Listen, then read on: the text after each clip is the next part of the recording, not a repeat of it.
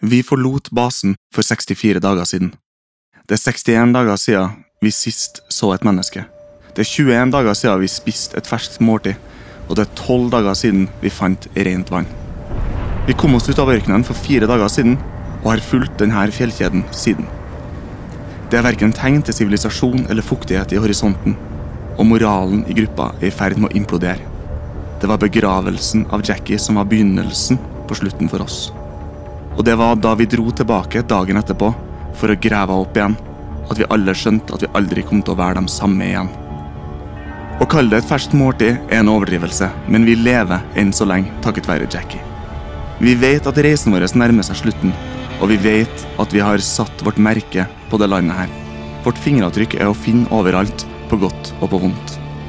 Om to uker kommer en ny gruppe til å forlate basen, og vi håper de ikke kommer til å dømme oss for hardt for valgene vi har tatt i vår reise gjennom det her gudsforlatte ødemarka. Og spesielt håper vi at de kommer til å tilgi oss for, eller i hvert fall forstå, hvordan vi håndterte konflikten vi møtte i den første bosetninga vi møtte. Der vi fant et frodig lite samfunn med barn, voksne og husdyr, kommer de til å finne en spøkelsesby. Men vi hadde ikke noe valg. Det vi gjorde i den lille landsbyen, er ubeskrivelig. Men utslettelse var den eneste løsninga logikken i spillet tillot. Velkommen til Wasteland. Velkommen til Retropodden.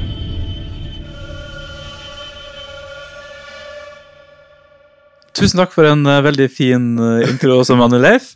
Og i dag skal vi altså snakke masse om Wasteland. Ja.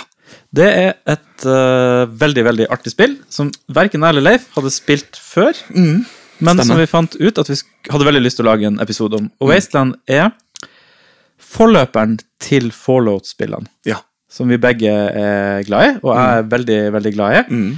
Men vi skal ti år før eneren, cirka. ja. Eneste grunnen til at Fallout fins, er fordi Brian Fargo ikke hadde rettighetene til Wasteland. Så istedenfor å lage Wasteland 2, så lager han Fallout. Ja, ikke sant? Det er jo det samme spillet. Det Det samme det. univers. Og det var det som var så overraskende når vi begynte å spille da, hvor likt det var. Og det skal vi komme, komme tilbake til. Men, men det er da et spill som kom ut i 1988, og vi fant ut at vi skulle spille det i dag. Ja. Så vi begynte å spille det for en måneds tid siden, Mm. og så tror du ikke at vi ble hekta. Skikkelig hekta, akkurat som på Fallout. Det var helt, ja. helt, helt vanvittig hvor hekta man ble, og Mm. det er rart, det, er, opp, det er så mye jeg har opplevd, og jeg har opplevd hvor mye av Fallout-spillene som foregår i hodet. Mm. I Wasteland så foregår veldig mye av historien i hodet, egentlig fordi grafikken er ikke like fet som i Fallout 4, liksom. Men, men for det så er spillopplevelsen ganske lik. Mm. Opplevelsen av spillet er ja, fantastisk spill. Sjokkerende bra. Men før vi dykker ordentlig dypt inn i Wasteland, Mm. skal vi ta en liten runde på hva vi har gjort siden sist? Ja, hva har du gjort siden sist her? Ja, det, hva har jeg gjort siden sist? Jo, har, eh, vi kan jo avsløre med en gang at neste episode av Retropodden den blir å handle om arkademaskiner. Mhm. Og vi har holdt på å bygge For det første har vi kjøpt en arkademaskin her på Vi sitter i nye lokaler nå, Mm. så vi sitter nå i et nytt studio eh, og spiller denne episoden i Sagveien. Og um, her har vi kjøpt inn en arkademaskin fra en i Kristiansand som bygger arkademaskiner. Mm. Og den var kjempeartig og kjempekul og inneholder masse spill. Og så hadde min venn Joffe på besøk og så den.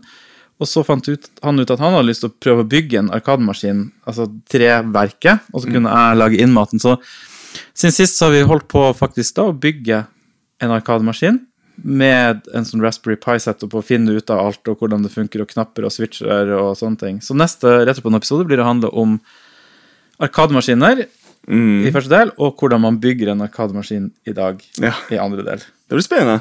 Ja, det blir veldig spennende, og det er veldig artig. Altså, det er kjempeartig å holde på med det, og det er gøy å spille. I dag er jo første gangen jeg ser Leif på mange måneder, Ja, og det er veldig hyggelig å se deg igjen. meg. Tenk på det. Ja, og du har klippet det. Jeg skjønner ikke hvordan du har fått til å klippe det. Med hårklippemaskin. Ja, du gjør det sjøl. Ja, ja. Eller samboeren min hjalp meg for å få sånn noenlunde riktig. For jeg har blitt ganske lang hår. Ja, jeg Altså, det. Ja, det er Kledelig, da. Peder. ja, er det det? Jeg visste ikke om jeg skal klippe det. Det er jo litt Nei, spennende det. det først har blitt så langt. Hvordan det Ja. kan bli. Eh, Jeg er litt spent på å høre med deg, fordi du satte deg jo ned og testa arkademaskiner som vi har her. Ja. Eh, Hvordan syns du det var? Det Kjempefint. Var det gøy å sitte spille? Det var jo egentlig litt toppløp, for jeg satt jo bare og spilte Doom og Quake. Og Ja, det egner seg sånn superbra på arkademaskin. Men uh, det, det, det er jo veldig nice. Fint Ja. med dem der Jeg har ikke spilt arkademaskin siden jeg vet ikke, 2001 eller noe sånt. Ja, Men liker ikke du følelsen av å stå foran kabinettet og Jo, det er artig. Altså, det er kjempeartig. Jeg har, har sånn higer hele tida etter å gå bort dit og teste, og det er veldig mange spill her, så det er mye artig. Man kan bla seg gjennom og se hva man har lyst til å teste, og finne nye ting. Og det er bygd opp etter system. Så det liksom, det er nesten sånn, du blar deg gjennom historien, de gamle Atari-maskinene, Commodore 64 og videre oppover. Men neste episode blir å handle mye om det. Ja. Har du gjort noe spennende siden sist? Jeg har egentlig ikke gjort så veldig mye. Jeg har uh, satt og spilt Wasteland. Ja. Uh, veldig mye uh, Jeg har drept kommodoren min. Hva skjedde? Det er jo en tragedie. Ja. Det er Jeg har en Commodore 128D, som er den første datamaskinen vi fikk hjem til meg. Jeg tror kanskje jeg var fire eller fem år gammel da vi fikk den i hus. Min far og eldstebror var og, og kjøpte den på lille julaften.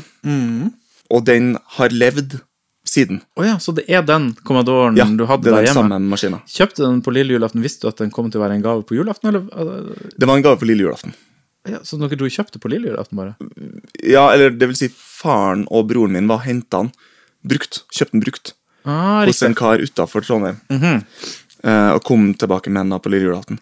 Og det var eh, selvfølgelig da eh, det sykeste vi noensinne har sett i hele vårt liv. Jeg, altså, som sagt, jeg var bare fire-fem år gammel, så det, det var helt utrolig. Jeg husker da når vi fikk den første Commodore 64, fikk vi da. Det var en helt mirakuløs opplevelse. Helt utrolig.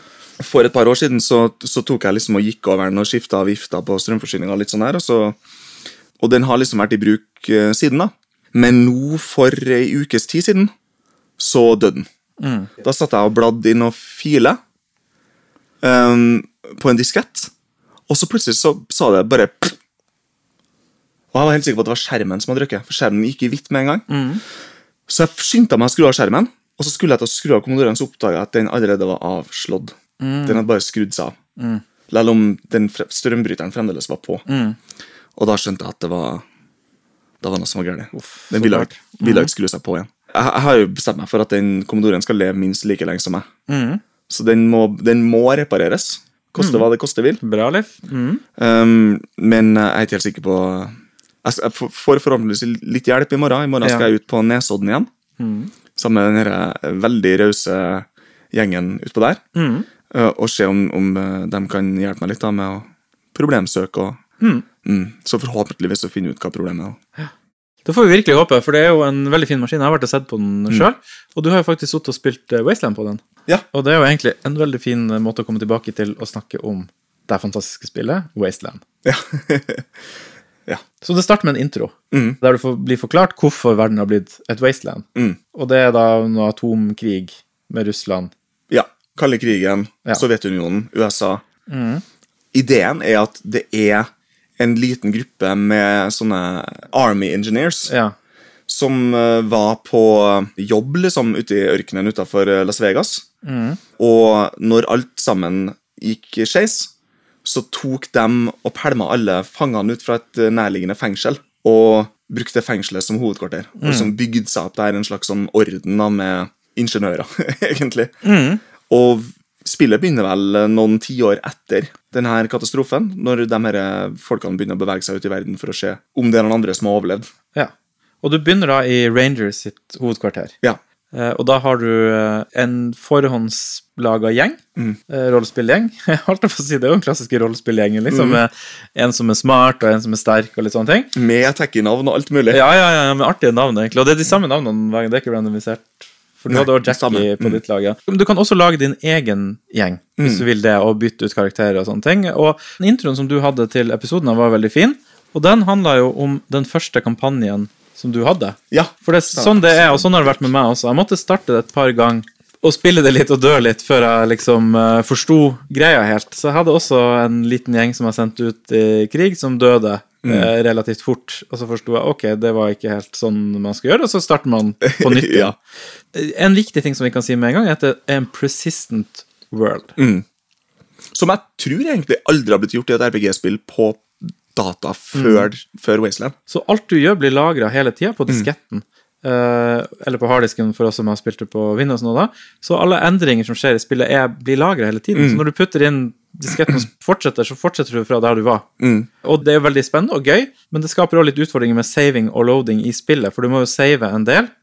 og loade en del. Første gangen eh, da den gruppa mi døde, og jeg oppdaga etterpå når jeg laga en ny gjeng, og gikk ut i ødemarka og, og innså at alle tabbene jeg hadde gjort på første gjennomspilling, ble lagra, så fikk jeg panikk og, og begynte helt på nytt.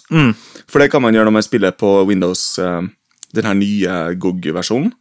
Så kan man bare starte et nytt game, og så er det nullstilt. Men på Commodore og på Apple 2 og på DOS i gamle dager da, så kunne man ikke det. Da måtte du lage en ny kopi av Ja, de anbefalte å kopiere spillet når man kjøpte det. Mm, aldri spill med originaldisketter. Det var galskap. Da, da saboterte du spillet ditt, liksom. Det gjorde jeg, da. Jeg fikk panikk, og så gikk jeg tilbake igjen. Og da spilte jeg med, min, med den uh, ferdiggenererte gruppa. Det var først nå da jeg spilte på Commodoren, at jeg laga eget crew, liksom. Og dybden i persongalleriet ditt er at de har skill points som IQ og styrke og dexterity, altså alle de klassiske Agility, karisma, Ja. alt det som man forventer. Alt det klassiske som du kan gi ting, og så har du også skills, Mm. Som er lockpicking, eksempel, brawling, som er at du får flere angrep per Mm. runde. Så du har en rekke sånne skills du kan få. Og altså, jo, når du går opp i grad, så går du også opp i skill points, og du går opp i de her skillene, og du kan Mm. få nye skills. Det er vel hvor intelligent karakteren din er som avgjør hvor mange skill points han får. Ja, så det er IQ man egentlig bruker kanskje mest uh, poeng på Mm. uh, å, å legge ut. Så du begynner med det, det crewet. Det ferdigsatte crewet er egentlig ganske godt balansert. Da har du en som er god på lockpicking, du har en som er liksom god på brawling, og som er sterk, som liksom blir um, han som slåss med håndvåpen. Og så går du ut i villmarka. Mm. Du er jo ganske fri. Det er jo en slags åpen verden. Mm. Litt som ja, akkurat som Fallout. Altså, det er utrolig hvor likt det er. Mm. Fallout er Ja. For spillet er lagt en open Altså, vi er på Commodore 64, men det er et open world-spill. Du kan gå hvor du vil. Mm. Og det er en ganske stor verden, men ikke så stor som Fallout 4 kan kanskje bli for stor, på en måte. Mm. Mens mitt inntrykk var her at det var i hvert fall du, du forstår størrelsen av den, den er ikke så stor at det blir uoversiktlig, men Nei. ganske god størrelse på den. Mm. Og den leder deg først til Du kan gå hvor du vil, men du blir liksom leda til den første byen du ser. ja, det er litt åpenbart hvor Ja. du skal først, på en måte. Her begynner vi, og der er ikke det så høy vanskelighetsgrad, kan man si, på de, de slagene eh, du møter. Men eh, du, du møter ofte en liten kamp på veien dit, for det er liksom når du er i The Wasteland Det, det er to univers. Du er i det store kartet, og så går du inn i byer, eller noe sånt, og da er du i et litt mindre Mm. bykart, eller noe sånt. Og da beveger Tida går saktere. Ja, tida går saktere. Og jeg kan si en av de første utfordringene jeg møtte på, var at jeg kom i kamp, eh, sikkert med en rotte, eller du møter liksom sånne ting ute i Wasteland, og slo den helt fint. Mm. Mista litt helse. Prøvde å bruke da heale-skillen, som den ene hadde, men det funka ikke. Nei. For det er jo noe vi er vant med, at man healer folk som er syke, mens her heales det automatisk når tiden går. Mm. Og det du bruker heale-skillen til, er hvis noen får under null i helse, Mm. så går de inn i at de er bevisstløse, og så hvis de blir slått mer, så går de inn i at de er kritisk skada og sånne ting, og da kan du bruke healeren for å få han ut av kritisk Mm. til bevisstløs, sånn at han sjøl kommer tilbake til eh, virkeligheten, og så få mer helse da, ettersom tida går. Mm. Som egentlig funka ganske bra. Det var inne. Det var bare litt uva uvant for meg, i hvert fall. Mm. Hvordan opplevde du det? Likens som deg. Mm. Dette er jo noe som vi kommer til å snakke litt om senere også. Men det er et overraskende moderne design. Mm. Også det her med at karakterene dine heales automatisk over tid, er noe som vi er veldig vant til i dag. Ja. egentlig. Mm. Men eh, noe som jeg ble veldig overraska da jeg oppdaga det. At jeg bare kan vente. Mm. Ja, det Fordi jeg, jeg drev Veldig jo behagelig, faktisk. ja, Mm. Jeg holdt på sikkert et kvarter, 20 minutter for å prøve å finne ut hvordan jeg kan reste partyet mitt. Mm. For det er noe vi er vant til fra, som rollespillspillere. Mm. At når du mister helse, så tar du og camper, liksom. Mm. Og så rester du. Da, blir de, da er de tilbake i, i helse, da. Uh, men det, den muligheten har ikke du i Wasteland. Du bare venter. Trykker esk. Trykker esk, og så Ja. venter du bare. Mm. Og da går tiden, og hvis du er på et sted hvor du blir angrepet, sånn som i Wastelandet, og du holder en esk, så går tiden, og så kommer det random encounters. Ja. Men det fins masse trygge havner, da, sånn som den første byen du kommer til. Går du inn der, så kan du reste så mye du vil uten å bli angrepet, og da får du maksa ut uh, helsa Ja. di igjen. Mm. Kjempekult. merker når du snakker om det, jeg snakker om liksom man går fra headquarter til byen, det føles så virkelig inn i hodet mitt. Mm. Skjønner du hva jeg mener? Du, jeg lager så mye av det spillet inn i hodet mitt når jeg går rundt og den lille frykten for å bli angrepet der i starten, når du kommer til byen, de forskjellige folkene du kan snakke med, det, Man bruker jo fantasien sin, det er litt Ja. sånn som det, det, det, det er sånn rollespill Ja, det er sånn klassisk som å lese en bok, ikke sant? så lager du bilder inni hodet. Det er det samme som skjer når du spiller Fallout, selv om det er grafikk der. Den er enkel, men det er jo grafikk der som, som viser deg hva som foregår, og du får se de forskjellige karakterene du møter, har bilder, da, sånn rotte, ser ut som en rotte, en Wasteland-rotte, som er litt sånn påvirka av radioaktivitet, Eh, og de forskjellige liksom, bandene og menneskene og menneskeaktige tingene du møter. Får du også Ja. sånn lite bilde når du interak interakerer med dem, jeg vet ikke om det er et ord. Interagere. mm. Det er veldig mye svineri man møter på ute i Wasteland. Og det andre som jeg også la merke til ganske fort i spillet, det er veldig skrevet. Mhm. Det er veldig mye tekst som bare popper opp underveis. Ja. Så det er noen vitser, sånn som når du går på veggen hele, og Ja. gjentatte ganger, så er det sånn der Uff, oi, du gikk i veggen. Du, bare, du trykker ved en feil opp en ekstra gang, mm. så det er alltid en eller annen vits på det. Ja. Så det var en del humor som lå i teksten her. Mm. En del tekst i spillet blir forklart i spillet, og en del er i manualen. ja. Så det her er en genial kopibeskyttelse og måte kanskje å spare plass på disketten på, jeg er ikke helt sikker. Men for eksempel når du kommer til den første byen, så får du opp beskjed at se i manualen på tekst 82 eller et eller annet sånt. Så det er tydelig, er tydelig at det er mange sånne avsnitt i manualen. Jeg spilte det på PC-en, og da kunne jeg bare trykke på det, og så fikk jeg opp den teksten. Ja. Jeg slapp å blade opp i boka da. Men der kan du da lese um, deler av historien, og det er deler av historien som du må lese, egentlig for å skjønne hva du skal gjøre. Så du måtte jo ha den manualen for å kunne spille spillet, egentlig. da. Riktig, ja. Det er jo også et veldig brutalt spill. Det er en sånn her litt snodig, som man også opplever i Fallout. Det er en litt sånn merkelig kombinasjon av morsomt og brutalt. Sånn, nesten litt sånn svart humor, morbid, uh, brutalt. Som jeg syns funker veldig bra. Ja. Det er, Den tonen i spillet er, er veldig sånn interessant og original. og Lola, og som sagt, det er rart at det er ti år før Fallout 1, men det er så likt i måten spillet fortelles på. Det er nesten bare grafikken eh, som er, som er endra. Ja, egentlig alt det andre har de klart å holde ved like. ja. Eh, At de fant opp hele det universet der, og så Ja. har de bare spilt videre på Jeg, synes, jeg var helt overraska over hvor, hvor likt Jeg var helt over hvor likt det her var forlått. Hvordan Ja. det var, føltes til dels av og til når jeg satt, lå i senga med dataen liksom, og spilte det, Mm. og eh, det var mørkt rundt meg, og historiene ble lagd inn i hodet mitt, hvordan Mm. det var, føltes som å sitte og spille PlayStation 4. ja. Det var, ja, det var helt, helt rart, altså. Interplay ble grunnlagt i 1983 av Brian Fargo, Jay Patel, Troy Worrell og Rebecca Heinemann. Det samme året inngikk de en avtale med Activision om å lage tre grafiske Tex adventure-spill for dem. De to første spillene skulle komme ut allerede året etterpå. Mindshadow er løst basert på Robert Ludendums Born Identity-bøker, og i Trace Sanction spiller man som en interplanetarisk hemmelig agent. Borrowed Time kom ut året etter der igjen, i 1985, og er en detektivhistorie der spilleren prøver å redde kona si som har blitt kidnappa. Til tross for at Interplay starta som en adventure-spillutvikler, er det i dag som rollespillselskap vi kjenner dem best.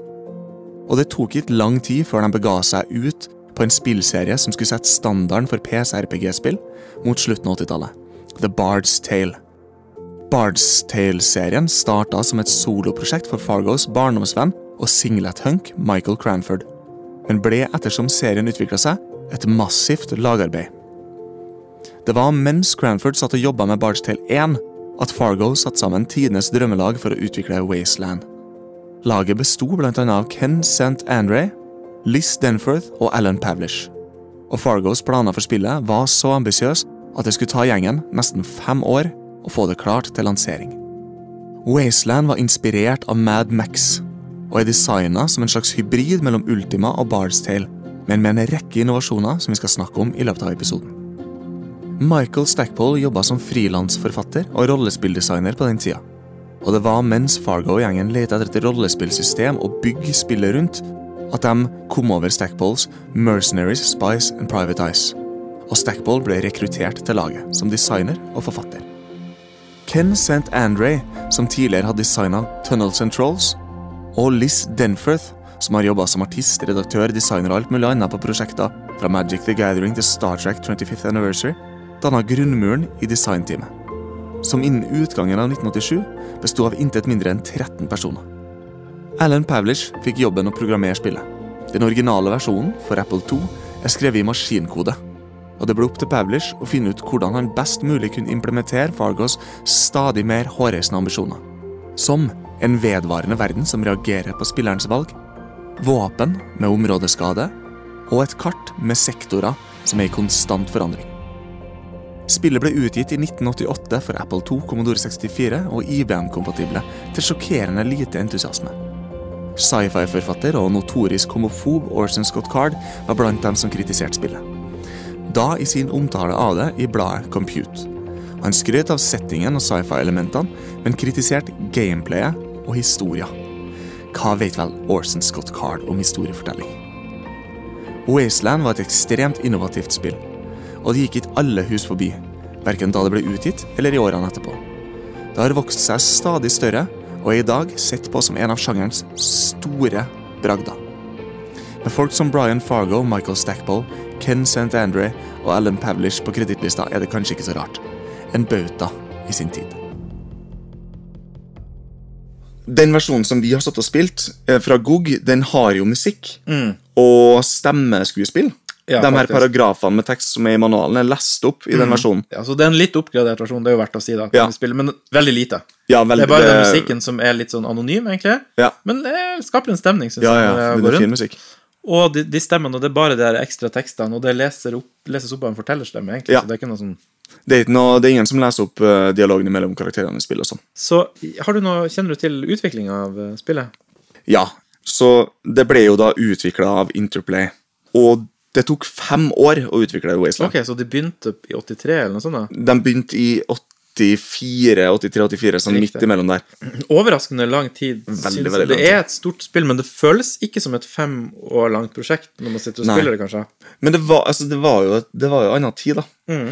Eh, Så hvis man ser det, hvis man sammenligner det med andre spill som kom ut på midten av 80-tallet, så er det jo helt spektakulært. Ja, det er det. I dybden, liksom, Ja. og hvor mye du kan gjøre. Mm, Hvert, hver eneste lille, liten rute i spillet er på en måte skreddersydd. Mm.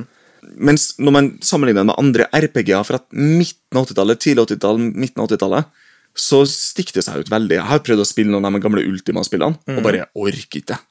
Det er helt, det er et mareritt. Mens Wasteland er bare Det er helt spektakulært. Megafett. Ja, megafett. Og Ja. um, ja, lett, lett, på en måte. Det er liksom ikke Det er umiddelbart artig, da. Det er umiddelbart artig, og du snakka i sted om at uh, det var vanskelig, at det er brutalt på en måte hvor du kan bli drept ganske plutselig, og det leste jeg litt om før jeg begynte å spille det. Mm. Jeg opplevde egentlig ikke det så mye. Nei, det er også en av styrkene, syns jeg. ja, for du begynner jo et sted, det er ikke så vanskelige fiender.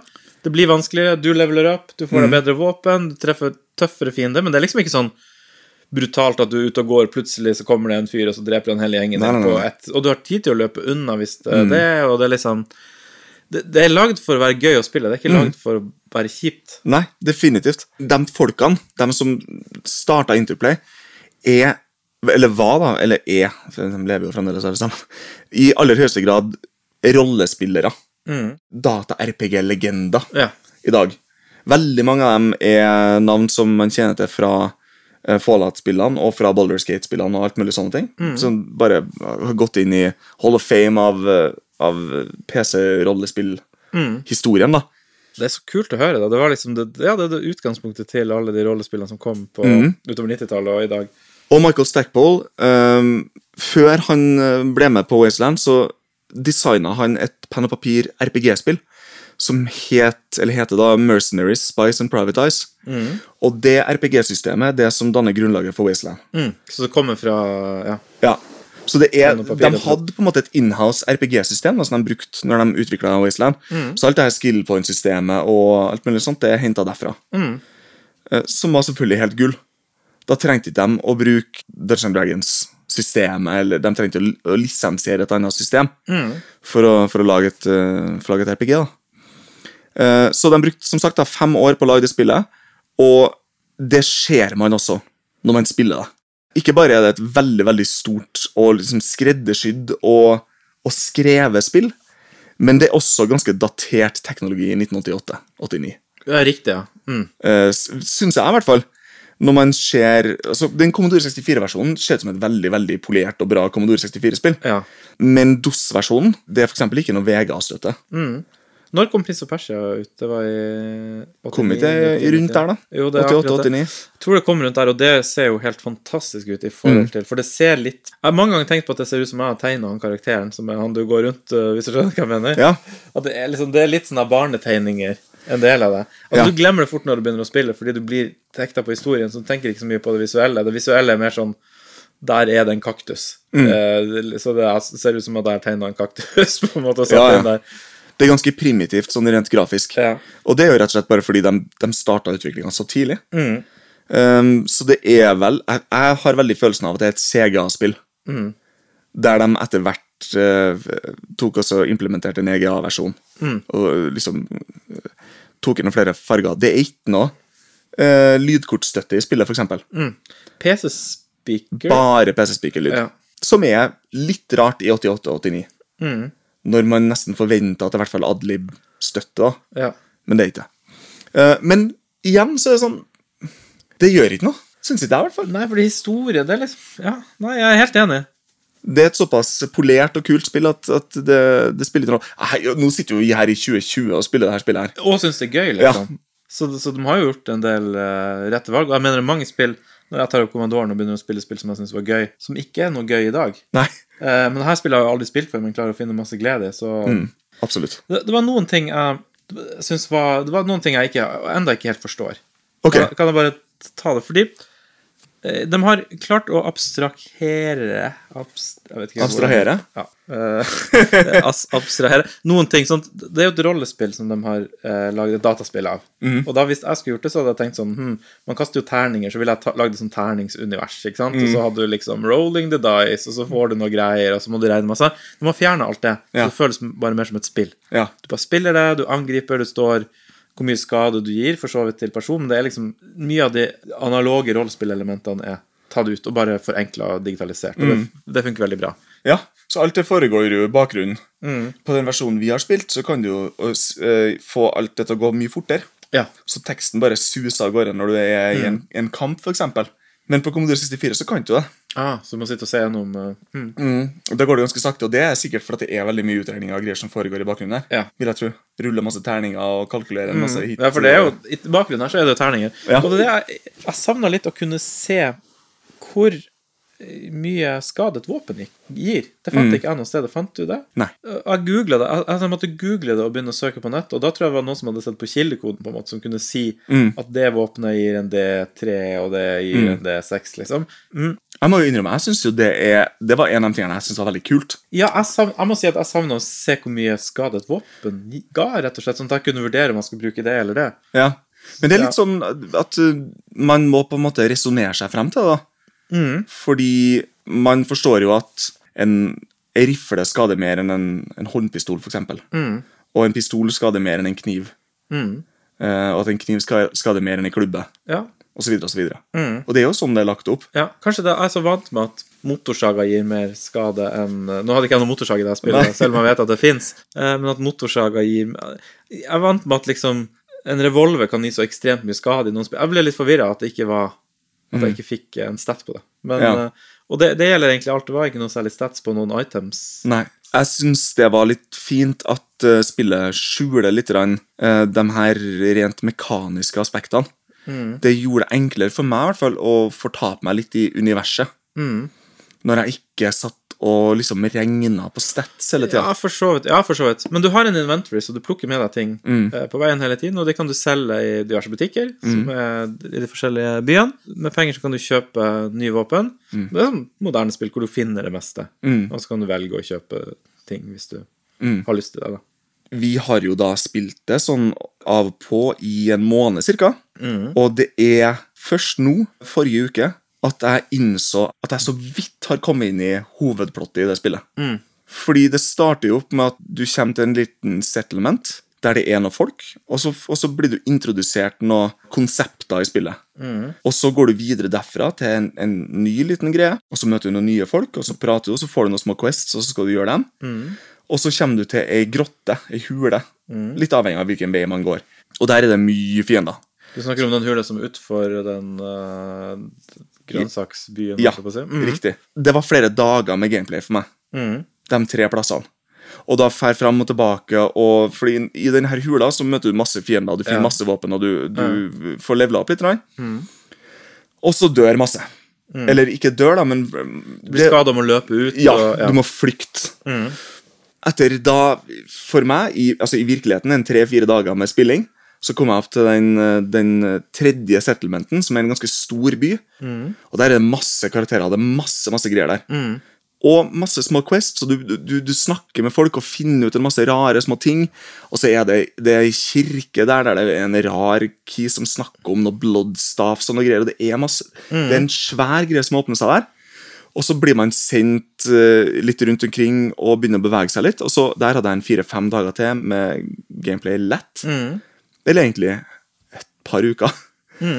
Og så, etter sitt par uker, da, så gutsa jeg meg opp til Las Vegas. Mm, for det er da neste, neste verden Det er liksom sånn lukka. Du kommer deg ikke dit før du har gjennomført noen ting og reparerer bilen Du eller kan, du kan bare gå dit. over elva. Jeg bare datt ut i elva. Å ja, nei, det er bru der. Klarte aldri å gå over den. Så jeg fikk den en sånn bil, og da ble jeg kjørt over eh, Å, ja. av en fyr. Jeg bare traska over den brua. Ja, ok. Jeg, jeg klarte liksom ikke okay. Ok. Jeg klarte Ja. ikke å komme over elva, så gjorde jeg noe greier, og så var det en kamerat fikk av meg en ny venn som reparerte bilen, og så kjørte han meg til Las Vegas. Ja, nice. Til garasjen der. Ok, Så da starta jeg i Las Vegas, på en måte. For jeg fikk aldri reparert den bilen. ah, Så se der. Det er forskjellig. Mm, så det er fl sikkert flere måter å løse Ja, sikkert. Mm.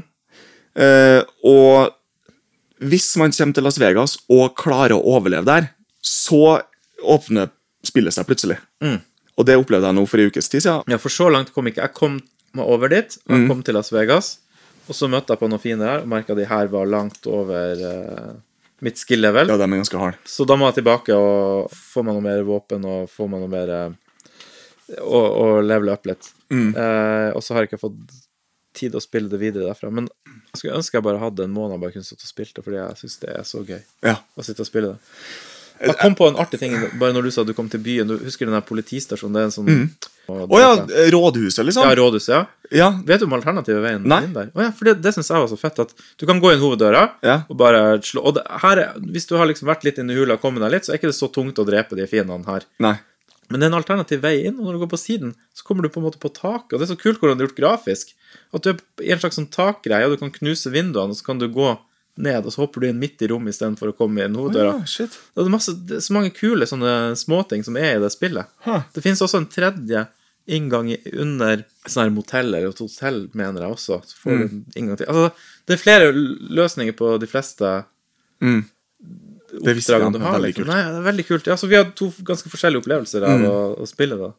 Og så kan du jo rekruttere NPC-er. Ja. Mange plasser i Mm. spillet så møter du på folk som du tenker personen her må jeg sikkert slåss med, men så kan du bare rekruttere dem. Mm. Så du begynner med fire spillere, og så kan du rekruttere og ha opptil syv Mm. på laget ditt. Og så må du kaste ut noen når du skal få noen til. Ja. må, det er vel noen NPC-er du må ha med deg òg, er det ikke det? Du må, av og til så må du i hvert fall ha plass hvis du skal redde noen, Ja, så de har plass på laget Mm. ditt, så de kan bli med deg ut. Men eh, bare for å ha sagt, jeg ble helt slått i bakken hvor kult det spillet. Mm. Jeg hadde virkelig ikke forventa at det spillet skulle være så bra. Jeg så for meg at det her kommer sikkert til å være et, et bra spill fra 80-tallet. Mm.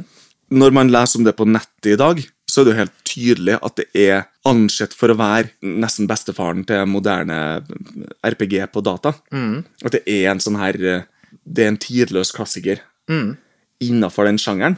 Det er kanskje det jeg syns er litt rart. Hvorfor blir det trukket frem når man snakker om klassiske PC-spill? Mm. Hvorfor er ikke Pirates, SimCity, Wasteland, Monkey Island? Er helt enig, fordi etter jeg har spilt det, så er det jo det spillet jeg hadde tatt med meg på hytta. Ja. Zombieversjonen kommer, og du skal på en hytte. Og du skal være der i mange, mange år. Ja, Så har du lov å ta med deg fem spill. Det er et av de spillene jeg har tatt med meg. definitivt. Garantert. Ja, altså, Hvorfor er ikke det på de listene? Jeg var helt sjokka. Helt sjokka. altså, jeg, hadde, jeg hadde, jeg hadde kommet til å endre systemvalget mitt Mm. for å kunne ha med Wasteland. Hva hadde du tatt med deg? Commodore 128. Jeg hadde tatt med Commodore 128.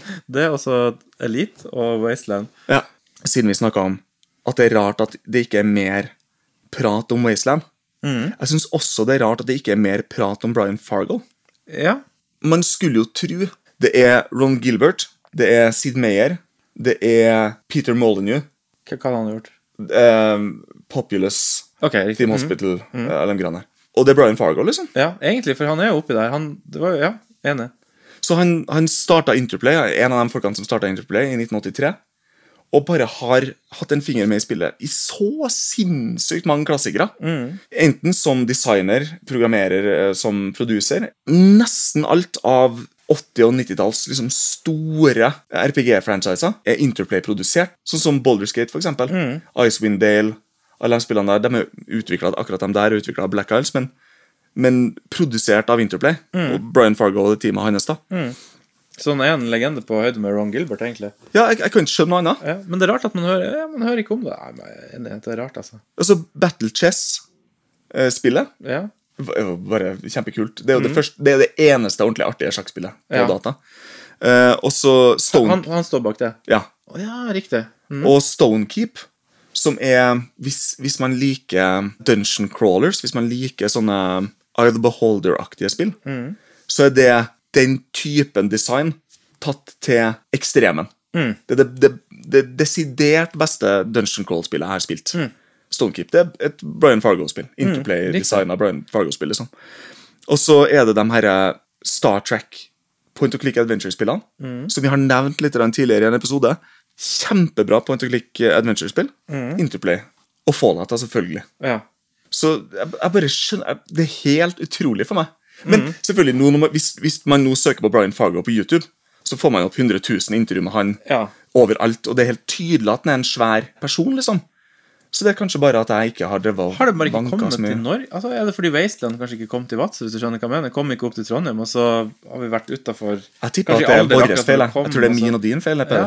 Jeg, jeg kan ikke skjønne annet. Det blir interessant å høre om noen av lytterne liksom Ja, Wasteland liksom spilt masse, det er jo en klassiker. Eller om det Kompisen min Eirik nå sitter og vrir seg i stolen. Ja. Skjønn, skj- f- hva er det de prater om? Brian Fargo er en legende. Ja, Det blir det som å sitte og høre en podkast om noen som snakker om Monkey Island. Hvorfor har jeg Ja, hørt om Monkey Island? hørt om Monkey Ron Gilbert. ja, det spillet her er jo kjempekult. Ja. Det, det er helt sikkert bare det. Mm. Også syns jeg at det er verdt å nevne coverarten til Wasteland. Som er bare kjempe, kjempe, kjempekul. Jeg har ikke sett boksen. Du har ikke noe boks du, Hvordan spilte du på Commodore, 60, Commodore 128? egentlig? Piratkopierte du det? Ja. Ja.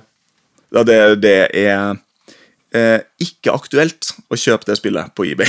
Riktig. Hvor mye ligger det? Det? Eh, det er gjerne tusenvis av kroner. Ja, riktig. Eller si 1000 kroner da, for en Mm. som ser sånn noenlunde ok ut. Ja, ikke sant, det er pakken. Jo da, jeg kjenner det, den logoen på eh, Bare så spiller. Ja. kult Jeg sittet og jeg, vet du hva, jeg har sittet og sett mye på det og tenkt mye på Fallout, faktisk. Ja. For det er et eller annet Fallout over det bildet. Jeg sitter nå og ser på et bilde med veldig røde farger over Wasteland, eh, en by, Las Vegas kanskje, med høye bygninger som, som driver og faller sammen, og så en gjeng som står i soloppgangen eller solnedgangen og så ser på en fiende eller eh, Det er en encounter av noe slag. Det gir meg fall, Fallout-følelsen på en Mm. måte med en gang. Eller Wasteland-følelsen, som man skal begynne å si nå, da. Det griper deg umiddelbart. Mm. Så blir jeg, sånn, jeg blir nysgjerrig på hva det som foregår her. Det er cover av uh, Barry Jackson. Hvem er Barry Jackson? Aner ikke. Nei, ok. han som har laga coveret. Han har helt sikkert laga masse av de kule coverne som, som eh, Altså, mye av de Interplay-spillene har veldig kule cover. Du, uh, vet du noe om hvilke specs man måtte ha? Vet det.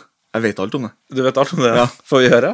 Vi nevnte jo litt her i stad at uh, utviklinga tok veldig lang tid. Mm. Og det bærer også systemkravene litt preg av. Ja. Det krever 80-88. Mm. Kunne, du du kunne spille på 2-6, eller? Ja, da kan du spille på 2-6. Ja, ok, ja, ok, sorry. Så det var ikke sånn at det krever ja, okay. Nei, Nei, nei, å nei, nei. Det funker på alt over 80-88. Ja, ok. Men det er jo en bra ting. For da kan jeg spille på ting. min 2-6 laptop. øh. Ja, du kan spille på, på den eh, 2-6-en i hermetegn laptopen din. Eh, det krever 256 kB ram på DOS, som også er veldig lite. Det kom både på 3,5 og, og 5,25 toms floppies. Og det har støtte for CGA, så det har ikke noe Hercules. Det har ikke noe svart-hvitt monokrom-modus, men det har støtte for CGA. Eh, og det har ingen lydkortstøtte i det hele tatt. Så det er PC-speaker. Du kan installere det på harddisk hvis du vil. Så det er tydelig at det også går an å spille fra floppy på PC. Har ingen krav til hvilken versjon av DOS du kjører, som jeg tror jeg aldri har sett før. At et spill ikke krever DOS 3, for eksempel. Jeg liker at de er veldig kompatible. Jeg liker alltid mm. bakoverkompatibilitet. Men det er jo en øh, Når du holdt på i fem år på å totale utviklingsspill, så ender det vel kanskje opp Ja, ja. Apple 2-versjonen den krever at du har en Apple 2 pluss. Krever at du har Apple DOS 3,3, 64 kB ram og 5,25 toms floppy. Mm. Det krever også at du har mulighet til å vise high res, men det tror jeg alle Apple 2 Plus har. Eh, Commodore 64 krever at du har fire blanke floppy-disker. Fire blanke, ja. Så de ville at du skulle kopiere det Mm. Ja. før du begynte å spille, egentlig. Mm.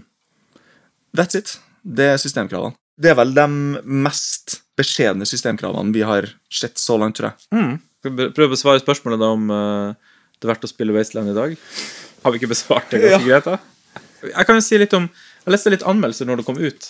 Så når uh, Wasteland kom ut, så fikk det litt blanda anmeldelser. Det fikk stort sett gode anmeldelser.